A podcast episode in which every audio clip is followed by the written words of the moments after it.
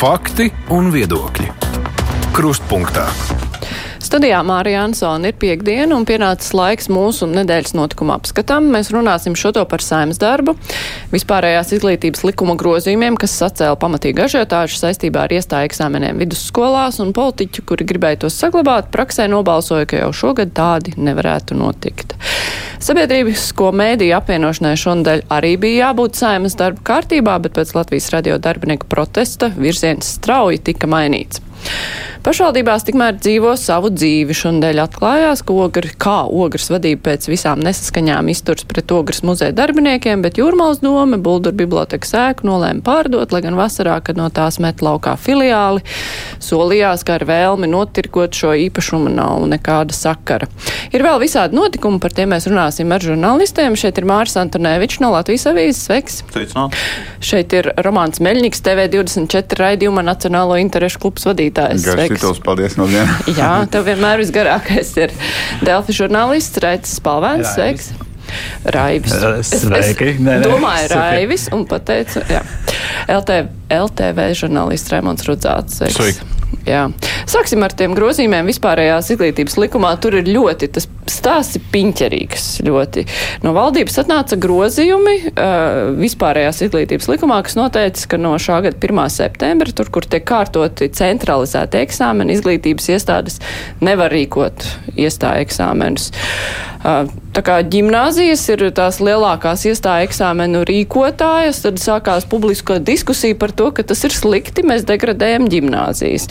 Tomēr tajā diskusijā neviens nepieminēja, ka jau piecus gadus šī norma ir spēkā, tikai tur bija viena problēma, nu nevis problēma, bet atšķirība, ka nebija centralizēto eksāmenu, tā kā tās ģimnāzijas mierīgi varēja rīkot.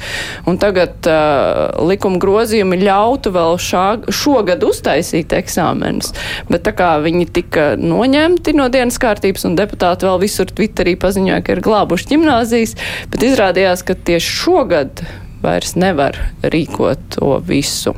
Tad ir jautājums, tā ir kaut kāda liela paviršība lēmumu pieņemšanā. Kaut kāds tracis publiski tiek sacelts, mēs fiksi rakstam lēmumu projektu, dodam prom un tas tiek pieņemts. Jā, vai tā ir tradīcija, vai tradīcija ir jau... neiedziļināties jautājumos, jo acīm redzami tas tika ļoti sasteigti virzīts. Acīm redzami ļoti daudz nesaprot, par ko ir lietas būtība, un acīm redzami tas hauss vienkārši turpinās. Jo, nu, pamatā jau ir tā, ka nu, tie grozījumi tiek iniciēti, dažādi grozījumi, tā skaitā par jautājumiem, ko pēc tam skatīsim, uh, vienkārši pēc kaut kādiem kritērijiem, neskatoties plašākā kontekstā. Šī gadījumā mums tomēr jāorientējas uz to, ka mums ir svarīgi, lai mums būtu, nu, lai mums būtu vairāk izcilību, lai mums tajās gimnājās, kas ir tāda izcilība kalva, būtu iespēja vairāk, labākus, kvalitatīvākus no dažādiem Latvijas reģioniem. Um, gaišākos prātus apmācīt un virzīt, lai viņi būtu tie, kas veidos mūsu Latvijas nākotni, nu, tālāk izstudējot un tā tālāk. Uh, un uh, šie eksāmeni faktiski dod iespēju gimnājām atlasīt. Un daudz gimnāzijas ir ar, arī ar tādām nu, viesnīcu pakalpojumu iespējām. Piemēram, Agenskalna malas gimnājā dzīvo, blakus dzīvo. Uh, ļoti daudzi no Latvijas dažādiem reģioniem gaišākie prāti, kas ir tikuši uh, gimnājā un mācās un dzīvo, un, un tad viņiem ir nākotne. Bet valdības bet, sēdē bet, šī bet, diskusija pēc būtības jau nema, pēc būtības nemaz lieta, nenotika, jo tur lieta, diskutēja pavisam par jā, kaut ko citu. Jā, tur tā lieta, ka neskatās no, no šī gala rezultātu viedokļa, ko mēs gribam sasniegt. Vai mēs gribam novienādot visu izglītības sistēmu, lai gimnāzijas ir vidusskolas līmenī, vai mēs gribam, lai mums ir kaut kāda, nu, un, un no tā viedokļa, ja mēs, ja mēs gribam palīdzēt izcilībām, tad ir jāveido stabila, pastāvīga sistēma. Nevis jālāp, ielāps uz ielāpu, kā tagad ir ar visādiem datumiem, ar, ar pārbīdēm un ar steigā pieņemtiem lēmumiem vai nepieņemtiem. Nu jā, bet tad jautājums, nu labi, valdībā šāds fokus vienkārši nebija. Tāpēc, ka viņi bīdīja kaut kādu šauru grozījumu, kas attiecās tieši uz konkrēto gadu. Jā, un saimā savukārt un saimā, ir iebildumi savukārt... pret sasteigtību. Un, un tāpēc lūdzu tagad apspriedīsim, tagad mums izrunāsim jā. šo jautājumu. Bet, nu, mīlīši, nu, nepieņemēt lēmumu lēmums, kur prasa šādas sasteigtas. Tad jautājums, tad, kurā līmenī, tad, nu, vai visos līmeņos ir tāda neiedziļināšanās, vai tas ir tikai deputātiem vairāk raksturīgs? Nu, kā tas viss no malas izskatās? Nezinu, vispār šis jautājums, viņš tik lielu rezonanci ieguva par, par tādu tematu, kā likties tā eksāmenis, nelikties tā eksāmenis. Tas jau vien parāda, ka tā, tā, tas fokus kaut kur aiziet vispār prom no tā jautājuma. Es pat īsti neredzu, par ko ir cepiens. Nu, man liekas, tā pati ideja par, par iestāju eksāmeniem, kā atcelt, es viņai neredzu nekādus racionālus argumentus. Viņi jau sen ir atcelti. Tur jau tas trakākais, ka, ka tie iestāja eksāmeni. Ne, viņi notiek tāpēc, ka nebija centralizēta eksāmena. Tur pieņem vienkārši, ka šogad eh, sākās centralizēta eksāmena, un tad ir pēkšņi, oh, blakus efekts. Mēs nevaram rīkot iestāju eksāmenus, un tad likuma grozījumi būtu to izlabojuši vismaz uz šo gadu, un pēc tam tad jau. Jā, nu, ja pēc būtības pats kā Siguldas valsts gimnāzijas absolvents divreiz lika iestāja eksāmenis, lai tiktu 7. pēc tam 10. klasē, kā mm, tam piekrīt, ko Romāns teica, arī, arī tur mm, jaunieši pārceļās speciāli maina dzīvesvietu reizēm, lai mācītos tajā skolā. Es esmu pilnīgi ar visām četrām par, ka ir jābūt tiem iestāja eksāmeniem. Nu, jā, par to neiedziļināšanos. Jūs abi diskutējat pēc būtības. par neiedziļināšanos un procesiem, nu, viņi jau starp saimu ministru kabinetu mēdz mm, regulāri šādi izskriet cauri. Un, un, un sevišķi, nu, mēs taču vēl tikko runājām dažas nedēļas atpakaļ par budžetu, ko pieņem 22 stundu garā procesā. Ja? Nu, cik tur izskrēja cauri, iespējams, kaut kāda likuma projekta, kur, kur pēc tam varēs dzīt rokās gals, kā mēs pie tā nonācām. Ļoti patīkama sajūta. Jo lēmumi tiek pieņemti par mums. Jā, es vairāk problēmu redzu tajā jautājumā, ko tu uzdevi. Es vairāk problēmu redzu izglītības un zinātnes ministrijā, kur jau, man liekas, otra, jaunā jaunā vadība jau otro reizi pierāda sevi kā nespējīgu nokomunicēt pārmaiņas. Tas pats bija par, eh, par tiem sportistiem, nu, kā atņēma valsts finansējumu, kas, manuprāt, bija pareizs lēmums, tikai neizdiskutēts un nepareizi nokomunicēts. Un tā ir tieši tas pats. Izgrūst cauri ļoti būtiska reforma, bet diskusijas nav bijušas. Un tāpēc, jā, un tāpēc mēs tagad par to runājam nu, un, un šokējamies. Un, un man liekas, ka te pa lielam ir izēm jāpārdomā, kā viņi komunicē. Nu jā, jo man tā skatoties ziņas vakar radās jau tāds sajūta, ka to, to kādas īstās pārmaiņas nesaprot ne īsti, nav, nav pamanījuši ne ministrija, lai gan, gan jau, ka viņi ir pamanījuši, bet ne, nu, deputāts pilnīgi noteikti. Nu, bija jau smieklīgi pieņēma valdībā, tad aizsūtīja uz saimnu, nu, tad pieņēma valdībā, tad bija cepiens Twitterī. Es nonācu saimā, saimā šo likuma projektu atlika. Un pēc jā. tam IZM izsūtīja preses relīzi, paskaidrojot, ka tas, ko, mē, tas, ko jūs saimā tagad atlikāt, ir reāli tas, ko jūs negribējāt. Grib. Jā, jā. Nu, mm -hmm. Tas ir kaut kas pilnīgi tāds absurds. Jā, Māri.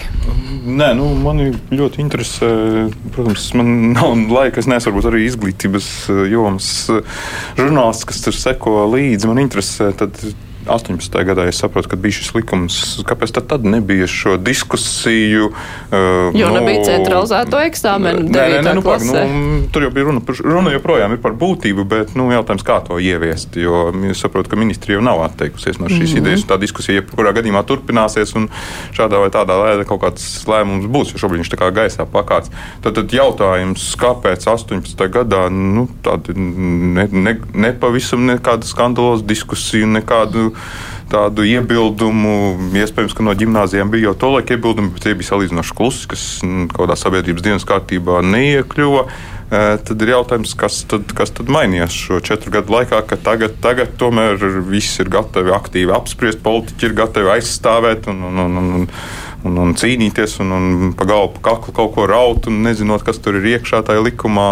Tā tad mm, nu, šī komunikācija noteikti likuma izmaiņu ir jāuzlabo. Nu, iespējams, ka pirms četriem gadiem nebija Twitter vēl tik, tik ietekmīgs un tik uh, aktīvs sociāli politiski, un, un, un tur kaut kā šī diskusija nenokļuva. Bet, ja nokļūst kaut kas Twitterī, tad varbūt, varbūt tas aiziet plašāk. Nu, es negribētu tādus secinājumus izdarīt, jo nu, tas tā mazliet mm, paliek tā, tā bailīgi, kad tā tēma, kas nokļūst kaut kādā Twitter publikas redzeslokā, tā būs diskusija, un tas, kas nenokļūst, tas viss aizies mierīgi, nepamanīt tālāk. Bet, diemžēl, tā par, tas par notiek. būtību, jā, es saprotu, gan viens, gan otrs puses aizstājus. Es negribu nevienā ne otrā pusē kategoriski nostāties, bet es saprotu arī, kāpēc šī ideja savulaik ir radusies ar domu, ka mēs nedrīkstam tomēr arī pārāk veidot kaut kādu divu līmeņu izglītības sistēmu, ka nu, vienas vidusskolas ir kaut kādas tādas atstumtajiem un tādiem, kas, kas, kas, kas un otras ir izcilniekiem. Un, kas būtu, ko būtu jāiet? Būtu jāiet uz to, ka šis līmenis, um, zemākais, nu, kas, kas, kas ir tuvojas gimnāzijas līmenim, bet ar šo lēmumu, nu, tad, kad ja, ja tā, tā virzās lietas kā līdz šim, tad sanāk, ka viņš pamazām attālinās un tās, tā plaisa paliek ar vien plašāka. Šis likums, protams, un šis piedāvājums nemaina to, jo nu, vienlaikus, ja tu gribi tādā gimnājās, lai tā ir, tā, tā nav tik, nav tik izsijāts viss, un tad šī sistēma nepaliek tāda, tad ir jāpiedāvā arī kaut ko šajā vidusskolu līmeņa celšanā, mm. pārējā vidusskolu. Nu, ši, šajā gadījumā tas ir tāds tīri mehānisks lēmums, kāds man rodas bažas, ka izglītības sistēma vispār sāk skatīties uz visu sistēmas pārreformā, kaut kādu mehānisku, tehniskiem lēmumiem. Tad, tad mēs vienkārši likvidēsim kaut kādas skolas kaut ko apvienosim, mums būs viss kārtībā. Mēs neskatāmies mm. saturiski plašāk, arī šis lēmums ir tieši no tās pašas sērijas. Man arī liekas, ka drīzāk būtu jāskatās uz to, kā, kā padarīt visas skolas vienlīdz kvalitatīvākas. Nevis uh, tiešām taisīt šo nošķīrumu, ka ir uh, krutās skolas, nu, Proti, labās mm -hmm. skolas un sliktās skolas. Nu, šādam sadalījumam nevajadzētu būt. Nu, jā, bet, ja, ja drīkst, tomēr ir, ir, ir, es atceros no saviem laikiem, bija skolēni, kas bija ļoti gaišām galvām, kas faktiski jau sēdēja un garlaikojās vidusskolas solā. Viņš bija izlasījis visu to grāmatu un vēl izlasījis vairāk nekā tajā grāmatā. Viņam bija garlaicīgi. Viņš faktiski tajā stundā sežot, bija nu, tikai spiests uz leju uz to video līmeni. Bija, protams, tādi, kur netika līdz tam. tam priekšmetam un, un atpalika. Tas šobrīd ir jautājums, vai mēs visus novienojam kādā padomu sistēmā, un tad mums ir tādas viduvēji produkti nāk ārā no skolām, pēc tam aiziet uz augstskolām un no turienes tāpat tās. Vai mēs tomēr bet, ļaujam tiem jā. gaišākajiem bet, sasniegt bet, bet mm. vienīgā iespēja, kur izaugt, ir tā mm. ģimnāzija, ka cit, citā ir viņš jāieliek stikla burkā un tur viņš izaugs. Nu, to jau viņš neteiks. Bet, nu, tā, tā sanāk, ka nu, ģimnāzija, tad mēs, ja mēs neļaujam ģimnāziju, bet doma ir tāda, ka arī citās skolās ar viņu var strādāt viņš var izaugt. Skolas cīnās par gimnāzijas statusu, ka tas ir augstāks. Nu jā, bet, bet es tikai mazliet paprecizēšu pie tiem argumentiem, kāpēc vispār šie likumi, kāpēc uh, ir nonākuši līdz tam, ka centralizētais eksāmens ir tas kritērijs, jo neviens neaizliedz ģimnāzijām uzlikt sev tos augstos standartus, ņemt tikai tos, kur viņi ir tur specializējušies ar tām labākajām atzīmēm, bet pamatojoties nevis uz personīgi sastādītu eksāmenu, bet uz centralizēto eksāmenu ar domu, ka tas eksāmens būs tik kvalitatīvs un tik godīgi izpildāms, ka uh, varēs ņemt tur, kā valdības sēdē izskanēja, nu, tad tur to atzīmi tu vari tā, caur komatu un paņemt to labāko. Un tad ir jautājums, vai darbojas tas ideālais eksāmens, nu, ka viss ir godīgi, jo, ja centralizēt, tad jau vērtē ne jau skolā. Nē, es, es, es pilnīgi esmu gimnāzija pusē šajā visā, jo arī no savas pieredzes tie iestāja eksāmeni bija krietni sarežģītāk kā centralizētais eksāmens. Bet tādu un, nebija centralizēto eksāmenu. Bija manā laikā, jau bija. Bet, bet, nē. nē, bet stāsts par to, ka. Nebija 9. klasē. Nu, labi, tā bija. Nu, bija Eks, nu, labi, Viņš nebija centralizēts, un viņu katra skola labo pati, nevis centralizēt tur visu sarakstu un tuž, aiziet. Tas, un tā. tas ir nianses, bet mm -hmm. ideja, ko es gribēju pateikt, ka ģimnāzija pati uzliek savu standartu, ko viņiem vajag, un tas centralizētais eksāmens neatbild. Bet viņi jau viņu, drīkst to standartu viņi, likt, jā. Un viņi to standartu uzliek ar savu iestāju eksāmenu, kur viņi paši ir izstrādājuši. Man liekas, tā ir super saprotama un loģiska lieta, ko nevajag uh, čakarēt. Nu. Nu, labi, mēs par būtību un te nevaram lieta, izspriest. Romānam, ka, ka tiešām šis um, nu, var veidot kaut kādu iešanu pelēcību virzienā, jo viens, ko es abi pieminējām, ka jaunieši pārceļās uz šīm gimnāzijām, bet arī pedagoģu darba tirgu tomēr labākie pedagoģi raujās mācīt šajās skolās. Es atceros, ka manā laikā bija gadījums, kad tur alūksnes skolas direktors pārceļās uz gimnāziju vienkārši būt fizikas skolotājs. Ja? Nu, un, uh, un tas, man liekas, kas pietrūkst vispār diskusijā arī par pedagoģu atalgojumu šobrīd, tas, ka mēs kā mehāniski diskutējam par to, kā visiem pielikt pie algas, nevērtējot kur ir labi skolotāji, kur ir sliktāki. Ir vēl trakāk pielikt tiem Jā, mazāk pielikt- saņēmušajiem, nevis, nevis vidēji. Tas, ko, tas, ko Jā. katrā ziņā negribētos, ka, ka diskusija aiziet par to, ka pieliekam visiem skolotājiem pie algas, jo visi dara labu darbu. Kaut mēs zinām, Nu ka, jā, ka bet, daļa eh, ir nav pelnījusi pat esošu Bet algu. tas, eh, kas šajā diskusijā, vismaz man tāds iespējas ir radies, ka katrs runā par kaut ko savu. Viens argumentē kaut kādu vienu lietu, un otrs runā par kaut ko citu, un tad eh, strīdās it kā runāt par vienu un to pašu, bet tas tā nav. Bet mēs neizvērsīsim šo, jo tā ir stundas diskusija, piedodiet, bet man, Divu. vai pat divu, ja vēl ar to tiks galā. Man tomēr gribētos runāt par sabiedrisko mēdīju apvienošanu. Radio darbinieku uzrakstīja vēstuli, kur protestē pret to, nu, pret tiem interesantiem priekšlikumiem, kas ir iesniegti, kas faktiski likvidē Latvijas Rādio 4. Un uh, galvenais par to, ka notiek apvienošana bez uh, finansējuma modeļa skaidra, ka tas vēl tiks kaut kad lēmts, un tas rada aizdomas, ka, nu, beigās jau nekas ar finansējumu nemainīsies, tad būs tāda formāla apvienošana, un ne, nu, sazina, kas tur tālāk notiek. Bet uh, jau bija Latvijas televīzijā, bija skaista diskusija pie Jāņa Dombura, ļoti tāda izsmeļoša un laba.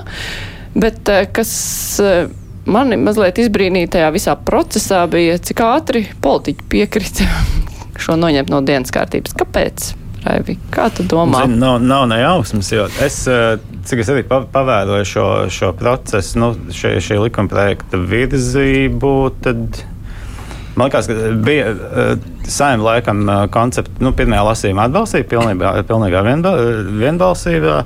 Un, uh, Liekas, pēc tam viņš kaut kā iestrēga, ka bija, ka, vai arī pirms pirmā lasījuma, tā neatceros, bet bija, ka uh, šis likumprojekts parādījās saimnes dienas kārtībā, tad viņš tika izņemts. Tad atkal parādījās, tad atkal tika izņemts. Un tur es uh, nepārbaudīju, kas īsti ir noticis, bet nu, tur jau man likās, ka kaut, kā, kaut kas aizdomīgs notiek. Nu, ka kaut kādas tur aizmugures sarunas vai kas, bet izrādās laikam uh, cilvēktiesību komisija laikam apmeklēja sabiedriskos mēdījus. Uh, un, uh, Un tagad tā pēkšņi, uh, pēkšņā viedokļa maiņa par to, ka mēs tik strauji nevirzamies, nu, es to laikam vairāk saistītu ar, ar Nacionālās apvienības šiem priekšlikumiem, jo tas uzreiz uh, nobremzētu to steidzamību kā tādu. Jo, jo šie Nacionālās apvienības un kultūras ministrijas priekšlikumi viņi tik un tā būtu jāizdiskutē, tas prasītu stundas. Nu, stund, un, jā, un, un stund. tas arī mainītu bišku to, to būtību, ko, ko ar šo. Ar šo likuma projektu gribēja panākt vienkārši tiešām to tehnisko apvienošanu. Bet tādā ziņā es tev piekrītu. Man liekas, lielākā problēma ir uh, finansējums, kas varētu būtiski palēnināt visu šo procesu. Un iespējams, pat tā apvienošana nenotiks, vai nenotiks tā, kā, tā kā bija iecerēts. Māri, kā tev šķiet, vai tas slēpjas tais, eh, tais eh, LR4 bažās, vai tas slēpjas tajā finansējuma uh, modeļa nēsamībā? Nu, respektīvi, arī kāpēc pieminēja pie Jāņa Domūra to diskusiju, tur bija diezgan uzkrītoši, ka politiķi norādīja, ka vainīgi ir visi citi, nu, ka tas uz viņiem neatiec. Finanšu ministrs uh, teica, ka nav izstrādāts detalizēts apvienošanās uh, plāns uh, un uh, prasīt ir nauda, bet detalizācijas nekādas nav, uz ko Domburs tur iebilda, ka dažkārt valdība ar milzīgu vēzienu piešķir miljonus un neprasa detalizāciju, bet šeit prasa par visu. Nu, vienmēr sakot, ka tā, vai tas ir kaut kāda atfutbolēšanās vienkārši, ka nu, ne- nebūs tās naudas. Nē, nu, nu, nebūs. tas ir tas pats, par ko mēs arī pirmajā jautājumā runājam. Vai mēs skatāmies kaut kādu konkrētu likumu vai uz procesu plašāku, kā ir.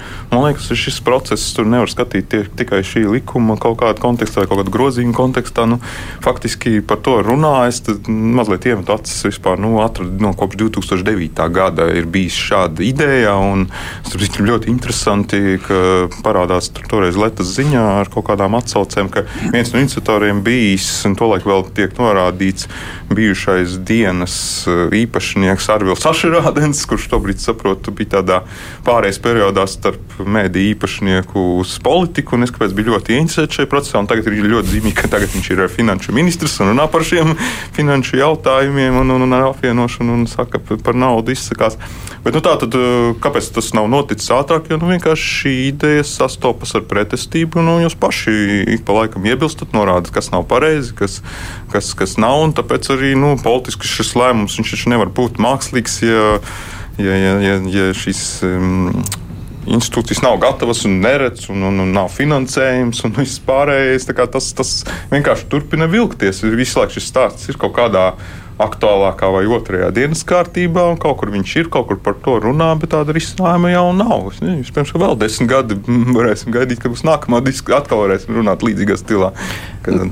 Bet tad no finanšu ministra puses ir nu, tāda, ka es negribu pateikt skaidri, ka nebūs, bet es saku, bet jūs nesat to izdarījuši, bet jūs nesat šito bet, izdarījuši. Bet, bet, bet tā tur, vietā, tur lai savu... godīgi pateiktu, nebūs. Bet tur savu loģiku ir, jo ir vajadzīgs sistēmiski pieeja, ir vajadzīgs tiešām tāds apvienošanās plāns, kurā būtu aprunāts visi jautājumi, kas, kas saistīti ar apvienošanos. Nu, tur ir tie trīs modeļi jau izstrādāti, bet kā tu vari aprēķināt uh, finanses, ja tev nav pat nojausmas, no, jā. kā tas tiks finansēts, vai brīdī, runa ir par brīdī, desmit vai uh, pieņems lēmumu, jā, apvienojam, arī tas nojausmas neradīsies uzreiz. Tātad faktiski ir jābūt paredzētam projektā visam, visam detalizēti izrunātam, apspriestam, un tad attiecīgi var pieņemt lēmumu. Jā, mēs esam gatavi iet šo soli, uzsākt šo reformu un iet uz šo reformu. Šobrīd ļoti daudz reformas Latvijā notiek um, tā, uz, uz fikso. Ir lozungs, mēs pieņemam lēmumu un sākam kaut ko jaukt. Ko jaukt paši pat, īsti nezinām. Un šī gadījumā, kāpēc tik strauji noņēma no dienas kārtības? Es domāju, ka te parādījās uh, plaisa koalīcijas uh, balsīs. Uh, tad uh, apzināja, ka koalīcija nespēja nodrošināt balsu vairākumu, līdz ar to labāk neizgāzties, labāk vienkārši noņemt no, no, no dienas kārtības, nevis, nevis izgāzties ar to, ka koalīcijas virzītas lēmums tiek iz, izsvilpts. Mm -hmm. Man liekas, ka svarīgi tādai efektīvākai turpmākajai diskusijai būtu tas, ka viņi tiek turēti šādā pašā starmeža gaismā ilgāku laiku nekā tas ir līdz šim. Jo šis jautājums, ja kolēģis minēja, no 9. gada ik pa laikam paceļās, un pat darbs pie tā notiek, tad viņš ir nu, tik klusi noticis, ja, ka, ka mēs pat sabiedriskā mēdī darbinieki bieži vien tā kā pat, pat tādā taustas līmenī īsti nejūtam, uz kur puses. Nu, tas, viņš iet tādiem lēcieniem. Jā, viņš iet ar, ar, ar lēcieniem. Un, un šajā, gad, šajā gadījumā pieminētā Dombura diskusijas, tieši paskatījos kaut kāds fragments pirms, pirms šīs diskusijas, nu, epizode, kur Ašarādina kungs uzstājīgi prasa detalizētu plānu un uh, SEPLP vadītājam Jānim Siksnim nav ko atbildēt, bija ļoti dairunīga epizode. Tāpēc uh, šajā gadījumā sasteigtība laikam ir uh, īstais bet, arguments. Bet par kādu detalizāciju tad ir jautājums, ja Seplis ir iedevis trīs variantus? Un neviens nezina, kurš no tiem variantiem strādās, ko tur var detalizēt vispār. Kāpēc nav tā tās politiskās vienošanās, jātiek, nu tad uz ko mēs tad, ejam? Mums jātiek galā ar šo skaidrību, kurš variants tad ir akceptējams, un tad mm. var lemt par apvienošanos. Nu, nu, ir jābūt ir skaidrībai, ko mēs, mēs nezinu, krāmējam čemodānu ceļojumam. Mums jāsaprot, vai mēs krāmējam dālām ceļojumam vai tuvam ceļojumam, vai uz siltām vai uz augstām zemēm, vai viens vai, vai vesela ģimene. Nu, jābūt konceptuāli skaidrībai par, par pašsvarīgākiem jautājumiem, tad ir jāsaplāno viss, un tā tikai to var lemt, jā, es tagad dodos. Nu, Droši vien, ka tur ir tas, ka tur, uh, tas, ko tu minēji pie lēcienu veidīgi, ka katrai pusē ir sava izpratne, cik detalizēti pirmkārt vajag to, to koncepciju, un katrai pusē ir sava izpratne par to, kurā brīdī mēs taisām apaļā galda diskusiju. Apmēram, reku mums ir trīs, mūsuprāt, diezgan, diezgan noslīpēti, un tad jau, kad jūs pateiksiet, uz kuru pusi jums tā kā vairāk sirds uh, sliecās, tad mēs tā kā esam gatavi vairāk. To Bet, nav tā, ka uh, sabiedriskajiem mēdījiem pēc būtības ir tāda iekšēja pretestība pret vispār šo ideju kā tādu. Mm, netiek noņemta, lai gan pretestība ir visu laiku. Un savukārt no sabiedrības puses sabiedrībai varbūt ļoti neinteresē. Tas neskaidri ir apdraudējumi. Ir, ir tāds sajūta, ka ir ļoti daudz jautājumu neskaidru un ir apdraudējuma sajūta. Ja būtu normāli izrunāts viss un izplānots un izdiskutēts un, un arī ņemts vērā darbinieku viedoklis, un tagad ir diezgan liela sadarbības ar televīziju un radio. Starp, ir portāls kopīgs. Nu, ir, ir, nu, nav, nav tāda liela pretestība starp divām institūcijām. Ne, nu, pretestība ir, tā var pateikt, no radio darbinieku. to, ka tūlīt tas sāksies jukas, līdz sāks apvienot. Nu, pat ne jukas, bet no radio darbinieku puses ir tādas bažas, ka tā kā radio vienmēr ir bijis tāds eh, finansiāli mazais brālis, eh, nu, ka viņš paliks arī finansiāli nu, mazais tā, brālis. Tas, tas nav izrunāts līdz galam, jūs nav skaidrs par to, kā jūs dzīvosiet tālāk. Nu, jā, bet tad jautājums, tad kuram īsti ir jāpasaka tas viens, tas gala lēmums, ka tagad mēs izvēlamies no koncepcijas to, to vai šo, jo tie, tās, tās pieejas jau ir ļoti atšķirīgas, kā var finansēt. Un tām sastādīt, teiksim, ja tev dod kaut kādu konkrētu procentu no, no budžeta, ir viena lieta. Otra lieta, ja tev pasaka, ka nu, tas finansēšanas modelis būs pavisam kas cits, jo tu jau nevari sastādīt katram tam variantam tāmi, bet tev vajag principiāli. Nu, tad mēs šo izvēlamies vai šo, un jautājums, ne, nu, kuram tas ir jāpieņem tas lēmums. Jo tā jau laikam ir Katram variantam vajadzētu tām tieši tāpat cik, kā valdībā, kad iet ar informatīviem ziņojumiem, tad ir variants ABC, mm -hmm. un tad katram ir kāda ir tā finansiālā ietekme un viss pārējais. Nē, tā, jā, bet jautājums ir, cik detalizēti, jo tāpēc, ka tā jau nav, ka tur nav nekādas detalizācijas, no, jā. bet jautājums ir, cik smalki tas ir jāizstrādā. Bet, jo, jo ja pateiks politiķi par kuru variantu, jo tā nav, tur jau ir kaut kāda detalizācija. Ir, nu, Nav tā, ka ir pateikts vienkārši dodiet. Nu, labi, mēs tagad ne, nevaram izķidāt šeit šos dokumentus. Vēl pie finansēm runājot, Ašarādens Arvēls arī pateica, ka budžetā naudas nepietiek visam, kam vajag, un tagad valdība vērtēs, pārvērtēs visus nodokļus. Nu, Valdība ir uz to tuvāk vēlēšanām to sākt darīt. Nu, tas būtu ļoti daļrunīgi. Es atceros, kā Kučinskim gāja viņa reforma, kad viņš teiksim, izkrita, faktiski zaudēja lielu daļu atbalsta vēlēšanās tieši tāpēc, ka viņš bija sācis uh, re, finanšu reformu, nodokļu reformu. Un, un ja valdība pozicionē, ka trūks naudas, tāpēc mēs taisīsim reformu, tad normāls cilvēks saprot, no mums kasīs vairāk. No visiem. Uh, bija ļoti, ļoti skaisti šīs frāzes par to, ka uzņēmumi uh, Igaunijā maksā krietni vairāk nekā Latvijā nodokļos. Nu, es zinu vairākus uzņēmumus, kas ir pārcēluši savu biznesu uz Igauniju. Ne jau to augsto nodokļu dēļ, bet tāpēc, ka valsts, valsts institūcijas, tie biznesa darbības noteikumi, nosacījumi, attieksme pret uzņēmējiem ir daudz, daudz labāka tur. Tā kā nevar tikai vienu pozīciju paņemt, ka nu, Viņi maksā vairāk valsts budžetā, un mums ir Igauniem vairāk uh, iespējas dalīt, pārdalīt un, un citādi apieties ar to naudu. Nu, tad mēs tagad ņemsim to likumu, pacelsim. Nu, jāskatās, ir komplekss. Nu, un, nu, mums šodien bija arī diskusija par valsts ciņām dienestu. Nu, kāpēc tā, tā viss trēks tur? Nu, kāpēc cilvēki neapmierināti? Un viens secinājums bija, ka nodokļu sistēma ir tik samudžināta, ka Jā. vids nemaz nevar to vienkārši visu realizēt, pat gribēdams, vai valdībai tur ir nu, šai tādas, tāds iekšējs spēks ar to tik galā. Tur vajadzēs to spēku, sevišķi par valsts ieņēmumu dienestu, lai tiktu skaidrībā ap visiem tiem skandāliem, ap vadību, ap visu tur bez, bez politiska spēka tas nenotiks. Par nodokļiem jau vienmēr ir vienkārši sabiedrība, gan uzņēmēji, gan privātpersonas grib, lai tie tiek pārskatīti. Tā kā vienmēr, un tāpat laikā grib, nu, lai kādu laiku ir arī nu, stabilitāte, lai viņas nepārskata tik pa diviem gadiem. Es saprotu, ka parlaments ir vienojies, ka reizes četros gados taisa šo jautājumu vaļā, un, un šis ir tas brīdis, kad to darīt. Iespējams, pēc Kučīnas negatīvās pieredzes, tur 18. gada vasarā, cik bija visādi uh, protesti tieši pirms vēlēšanām, tādā garā. Tā kā Par politisko gribu un to visu. Nu, šis, protams, būs liels jautājums koalīcijas stabilitātei. Mēs tikko runājām par, par jautājumiem, kur nejūt, nu, manuprāt, mazākiem jautājumiem, kur nejūt atbalstu un tad noņem no dienas kārtības steigā. Šis ir tāds, ko tu nevari noņemt no dienas kārtības nekādā gadījumā, un tev līdz kaut kam ir jātiek. Bet par samudžģītāto vidas sistēmu, nu, kaut vai tāds elementārs piemērs, ka nodokļu šobrīd, sistēma pat nevis jā, jā, vidas sistēma, bet nu, viss, uzreiz jā. vienādības zīme. Elementārs piemērs, piemēram, kā tagad uh, cilvēki var ieviest, um, cik bankas ir, kas piedāvā tos um, norēķinu kontus, kur automātiski noskaita tos 25%. Un, un, un bija um, nodokļu eksperts Jānis Taukačs uztaisījis viedokļu rakstu, izgājis pa soļiem. Nu, uh, kā to var izdarīt? Tāda it kā šteli, kas palīdzētu ēnu it kā tiek pārņemts Igaunijam, viņš darbojas. Kas, kas ēnu ekonomiku palīdzētu ļoti, ļoti mazināt. Beigās tur to piedāvā tikai viena banka Latvijā. Tāpat tās jāiet caur ēdējas sistēmu, tāpat tās pat nodokļu ekspertam nāks rakstīt jautājumus vidu konsultantam, kā es tur to varu pieslēgt. Ļoti samuni, samudžināti, un tas ir, liekas, tas, ko sagaida gan uzņēmēji, gan sabiedrība, un kāpēc romāns arī piesauc Igaunijas piemēru, ka tur ir vienkāršāk, un cilvēki grib, lai ir vienkāršāk. Un man liekas, ka sabiedrība ir pietiekami gājusi uz priekšu pa šiem 30 gadiem, ka nevajag uz katru skatīties kā potenciālu zagli, un tāpēc mums ir tur sargs pie sarga jānoliek, kurš pieskat sargu.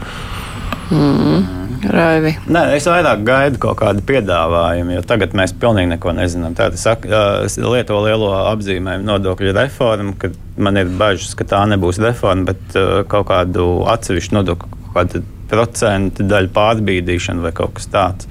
Es, kas padarīs es, es gaidu, visu vēl samudžinātāku. Nu, jā, jā, jā, jā. Mm. tieši tā. Vai nu ir reforma pēc būtības, vai nu tad es nezinu, vai vispār ir vērts krāpēties.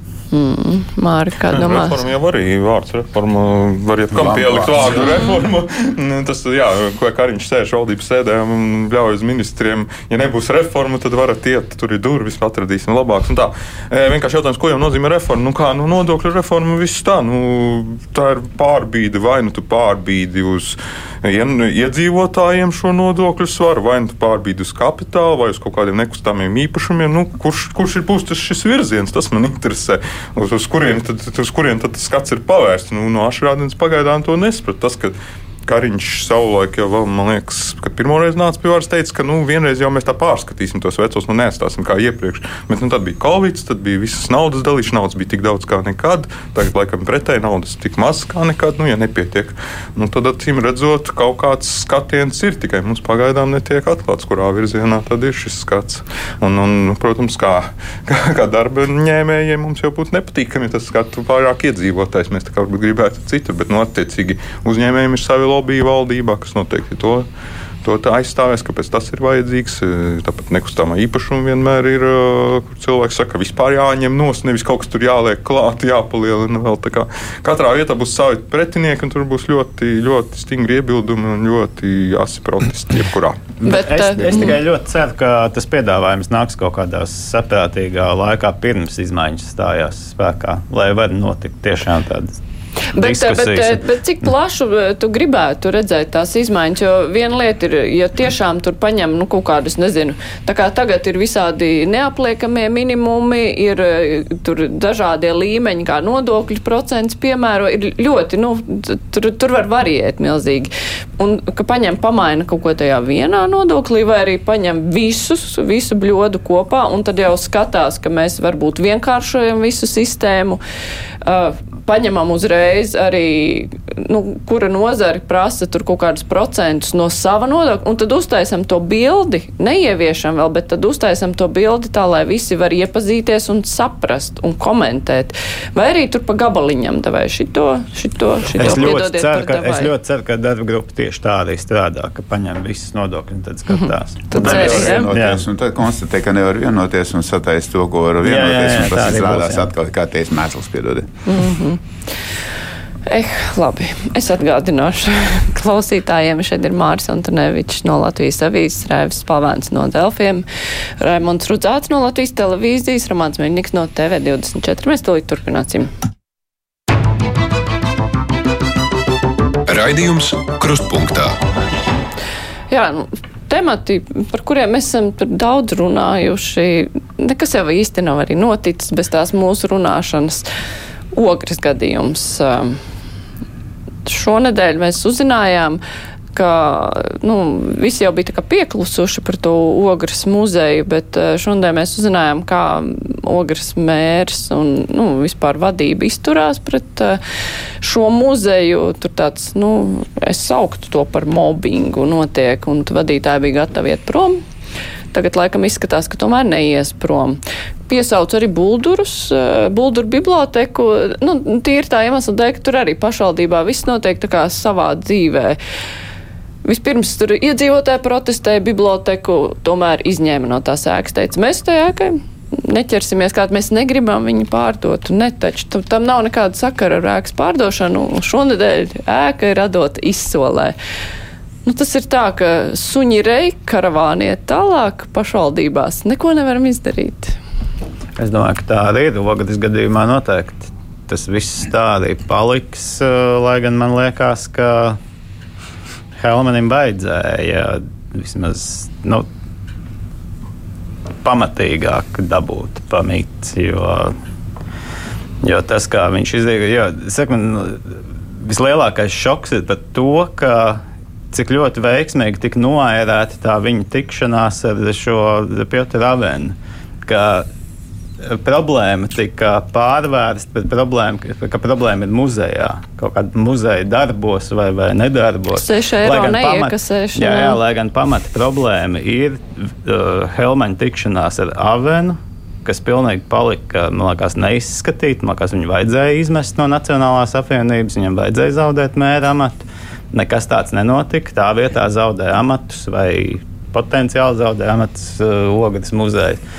Nu, un, Nu, tagad arī šādi progresīvi laikam izplatījuši paziņojumu, ka grib, lai atstādina Helmanu. Es domāju, tas nenotiks, jo to var izdarīt tikai Nacionāla apvienība vai vēlētājs.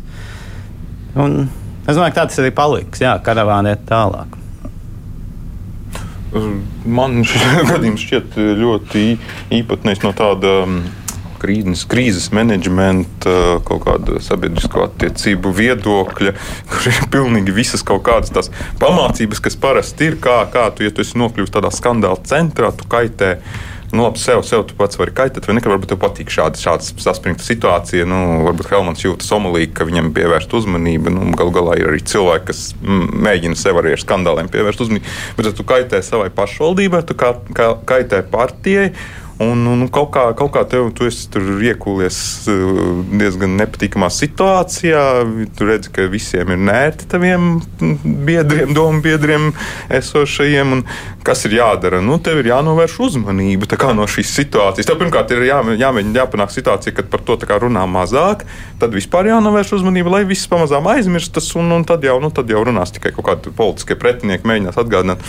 Man liekas, ka Helmans uzstājīgi dara visu, lai visi ne, nu, nekādā gadījumā neaizmirstu šo situāciju. Viņš, viņš sastīklos pats atgādina, ka muzejs tur tāds un šitāds aizbrauc uz Ukrajinu un muzeju sāk tur stāstīt, ka redziet, kā te ir, jums jau ir laba dzīve, te Ukrajinā muzejiem slikt.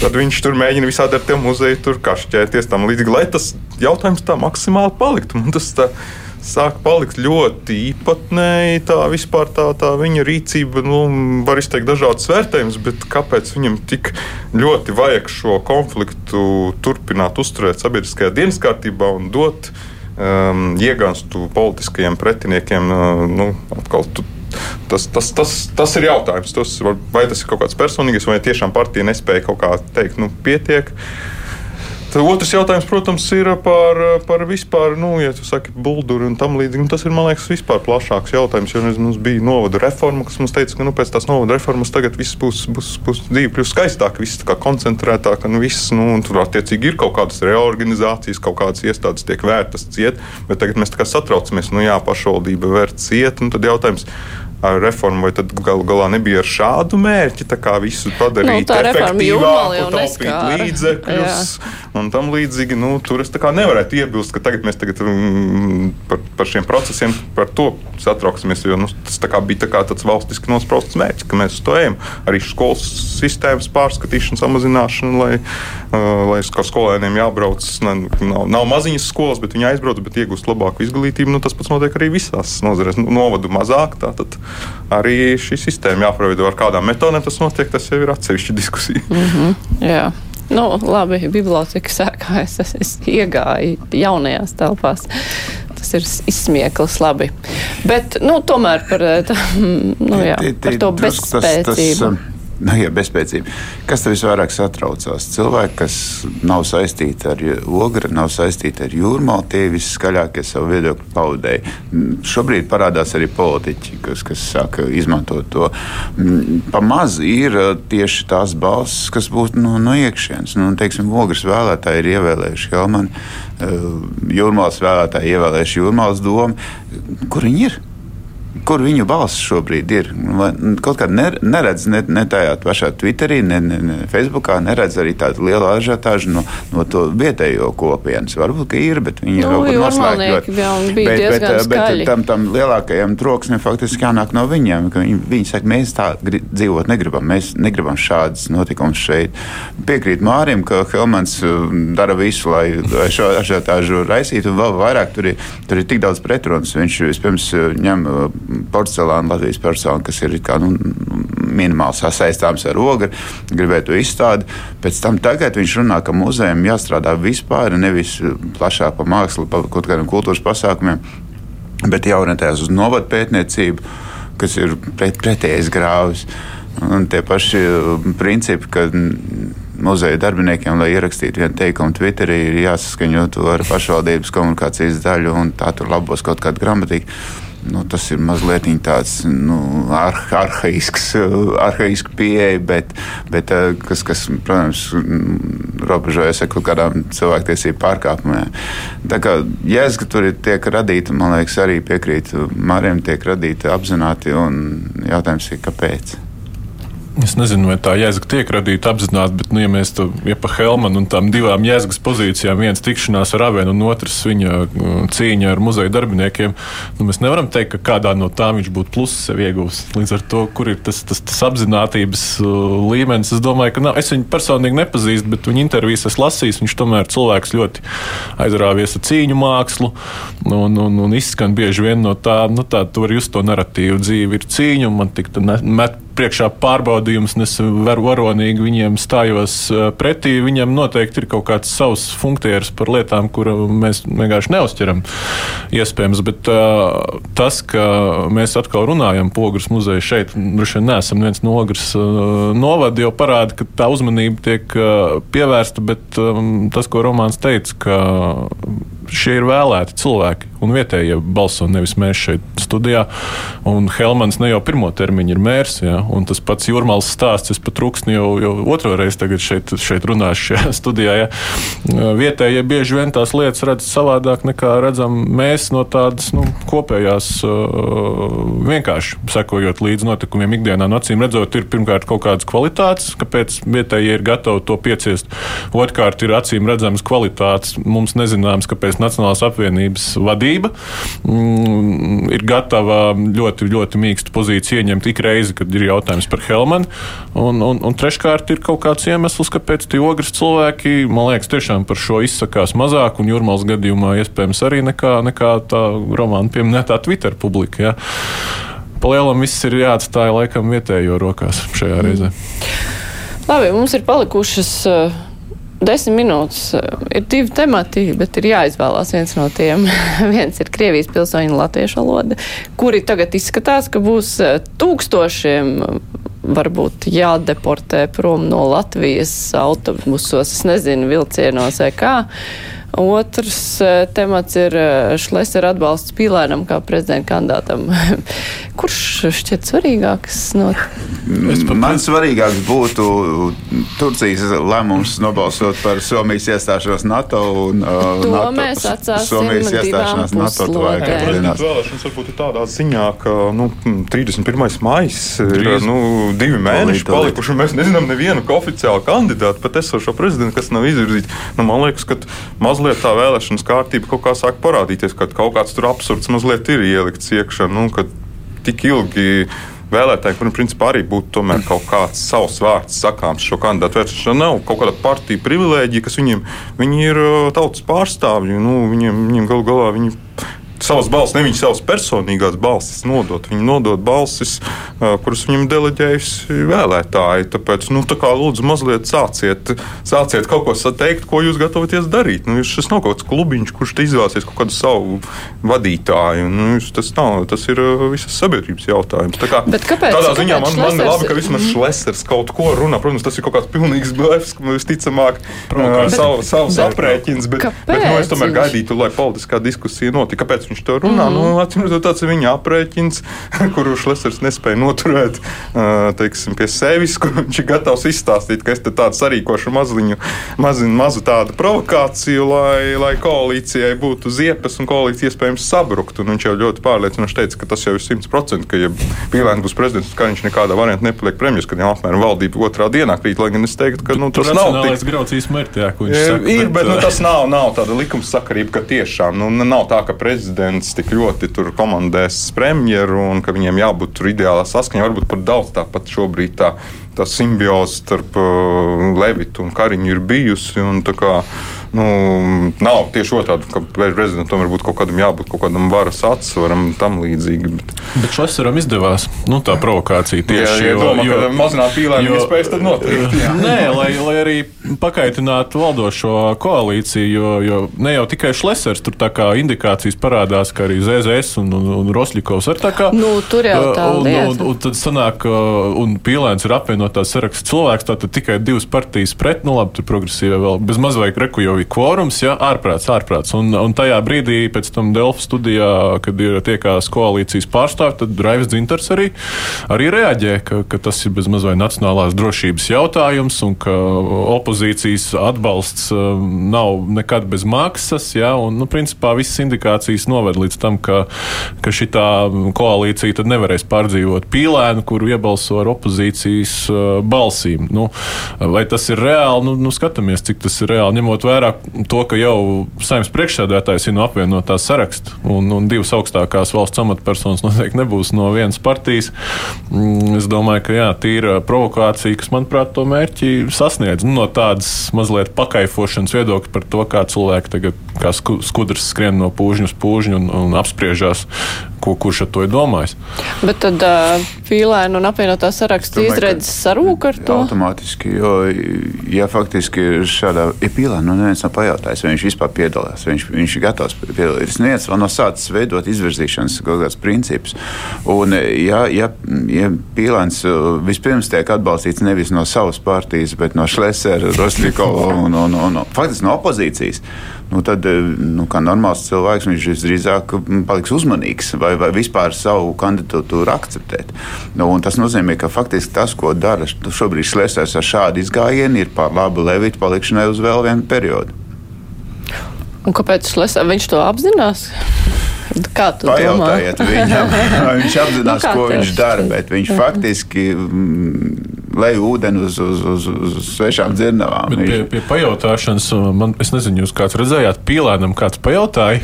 Viņam jau laika pa laikam ir prasījis. Jautājums, jautājums, ja viņa partija. Tieši, kāpēc Šlesers viņu Diez vai pīlēnam vispār interesētu atbildēt uz tādu jautājumu, tad, man liekas, ka tāda līšana detaļās, bet, bet uh, ir normāla procedūra, kad viena partija izvirza, otra partija izvirza, trešā, un tad pievienojas kaut kāda atbalstītāja. Tad, kad ir izvirzīts, bet šobrīd pasakot, ka mēs balsosim par šo, nu, faktiski nobloķējās tas tā kandidāta izvirzīšana. Un tas nozīmē, ka, nu, kas mums ir alternatīvs kandidāts, esošais prezidents, tad faktiski Šlesers ir nu, atbalstījis Levita palikšanu uz vēl vienu amatu ar savu izgājienu, kurš faktiski degradē uh, alternatīvu kandidātu iespējas.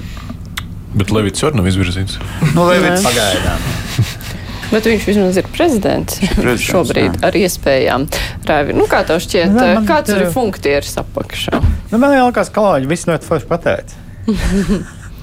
Un es nezinu, nu, Šlesers ir pieredzējis politiķis. Es domāju, ka viņš ļoti labi saprot, ko viņš runā. Un, un bet, un... bet nu, jā, ja viņš ir pieredzējis politiķis, ļoti labi saprot, tas nozīmē, ka viņš ļoti negrib, ka pīlēns ir. To mēs vēl nezinām. Vai viņš negrib? Vai arī ja mēs jau tikai tā galvā, jā, mēs, jā, jā, mēs tikai tā spekulējam. Bet es domāju, ka pīlēni arī, ne, ja viņš tiks izvirzīts, nu, tad tik un tā arī parādīsies arī viņa saistība ar Piotru Ravenu. Nu, iepriekš festivāla Rīga jūrmāla organizēšanas kontekstā. Nu, tad arī var nākt. Jā, jā, jā, vienalga, bet nu, tik un tā var būt cilvēki, kuriem tas nepatīk. Nu jā, tad jāņem viss, kam, kas bijuši kaut kādā veidā saistīti ar to tādu. Nu, tur tā tad diezgan liela Kur ir tieši pionieros oktobrānos un komjātnēs savu laiku. Neskatās. Nu labi, bet nu, pieņemsim, ka tagad Šlesers ir iemetis to kaut ko tur skudru pūznī, visi tur kaut ko sāk ņemties, bet uh, Viņam mērķis varbūt ir sanaidot to koalīcijas. Nu, es domāju, ka opozīcijai vienmēr ir mērķis nu, jā, bet, koalīciju bet, uh, ar kaut kādiem, un prezidenta vēlēšanas visi jau vienmēr, lai gan saka, kur tas, kur tas indikators, ka tieši prezidenta vēlēšanas, manuprāt, nevienu reizi Latvijā tieši prezidenta vēlēšanu dēļ nav kritušas valdības. Varbūt, jā, jā. bija slēpts, slēpts balsojums, tagad viņš ir atklāts, un tas arī šī viss to padarīšana. Jā, nu, Šosers arī tur mēģināja jā. dabūt cauri to, to slēgto balsojumu, bet, nu, līdzīgs tāds bija, manuprāt, vienīgais, kas, kad, kad bija bija tā viss tā pilnīgi negaidīti, kad kaut kas izvirzīja, bija Andris Bērziņš. Tur bija mazliet citi apstākļi. Tur bija atlaists saima, bija atriebība Zatleram, un tad, jā, tad pēkšņi kaut kur, kaut kur tās balsis pēkšņi viņam radās. Parasti jau ir griež otrādi, ka grūtības tās balsis savākt tam kandidātam, kas izvirzīts. Bet, nu, ja nu tomēr tas apvienotais saraksts ņem un izvirza to pīlēnu, jo viņi nav teikuši, ka viņi to nedarīs. Viņi tikai neko nezinot un teikt, nekā nav. Bet ja viņi to izdara, Kas ar koalīciju notiek? Tad ir jautājums, vai koalīcija spēja norīt šo grupu vai nespēja. Tas ir vienīgais jautājums. Vai viņi spēja pieciest to, ka uh, koalīcijas uh, vir, partijas, vienas partijas virzīts kandidāts valsts prezidenta amatam ir atbalstīts ar pārsvarā opozīcijas balsīm. Nu, ja viņi spēja, tad valdība paliek, jo neviens jau nu, neapdraud tiešā veidā valdību. Nu, Man prognoze, ka nespētu, ja, tā, līdz tam, ja līdz tam nonākt šādā formācijā, kā mēs diskutējam. Bet kāpēc nespētu, vai tur eh, saskat kaut kādus riskus, ka tas prezidents varētu spēlēt pret koalīciju, vai nē, vienkārši nē, principiāli, domāju, nu, ka tas ir nesmuki? To, ka, ka, jā, ka Raivs Zintars jau Delfu studijā arī teica, ka, ka principā viņi darīs visu, lai panāktu, ka koalīcijai kopējs redzējums par, par prezidenta amatu kandidātu, un ja šo nevar panākt, un nevar panākt vēl pa dažiem jautājumiem, kas jau krājās pamazām, Un, ja vēl tas ir nacionālās drošības jautājums, kā Nacionāla apvienība to apgalvo, nu tieši šis, ko viņš teica, ka tas ir nacionālās drošības jautājums, lai nav prezidents ar Osļiko, Lembergu un Šleseru balsīm, tas ir ļoti skaļš apgalvojums, un pēc tā ir arī kaut kam jāsako, nu, kaut kādai darbībai, ja to viņš publiski ir pateicis. Ja, ja tas scenārijs piepildās, par ko mēs laikam visi ļoti šaubamies. Bet te pašā laikā, ja kāda amatpersona tiek ievēlēta amatā, viņi nav atbildīgi par to, kurš par viņu nobalsoja. Ja tāds valsts prezidents tiek ievēlēts par, ar, ar tā paša Roslīko atbalstu, Nu, nu, kas? Bet, nu, bet tomēr ir atšķirība, vai ir vairākuma opozīcijas jā, atbalsta, jā, jā, vai jā, jā, protams, opozīcija protams, tikai tur piešāvis. Protams, protams, bet, bet nu, nevar būt tā, ka viņš ir pēkšņi atbildīgs, pateicīgs, visu mūžu darbosies tikai tā, tā viena vai divu vai piecu atbalstītāju jā, interesēs. Jā, jā, tas ir kaut kas cits, protams. Jā, bet interesants tas um, Raivs Dzintara pieminētais par to nacionālo drošību. Tas man mudina domāt, ka vai tik tur tomēr jau aizklausēs um, nu, rēķināts tiek, tad, nu, ja Levitam nav vairākuma atbalsta vai Nacionālās drošības pieminēšana, netiek domāts, ka tiešām tiek meklēts kaut kāds cilvēks. Kā NATO vēstniece vai ārlietu ministrs, vai nu, kas tur vēl tur ir tādi, kuri, kuri, kuri, kuri, kuri tad būtu tādi ļoti no mūsu skatījumā tādi ne, neapšaubāmi Latvijas drošībai.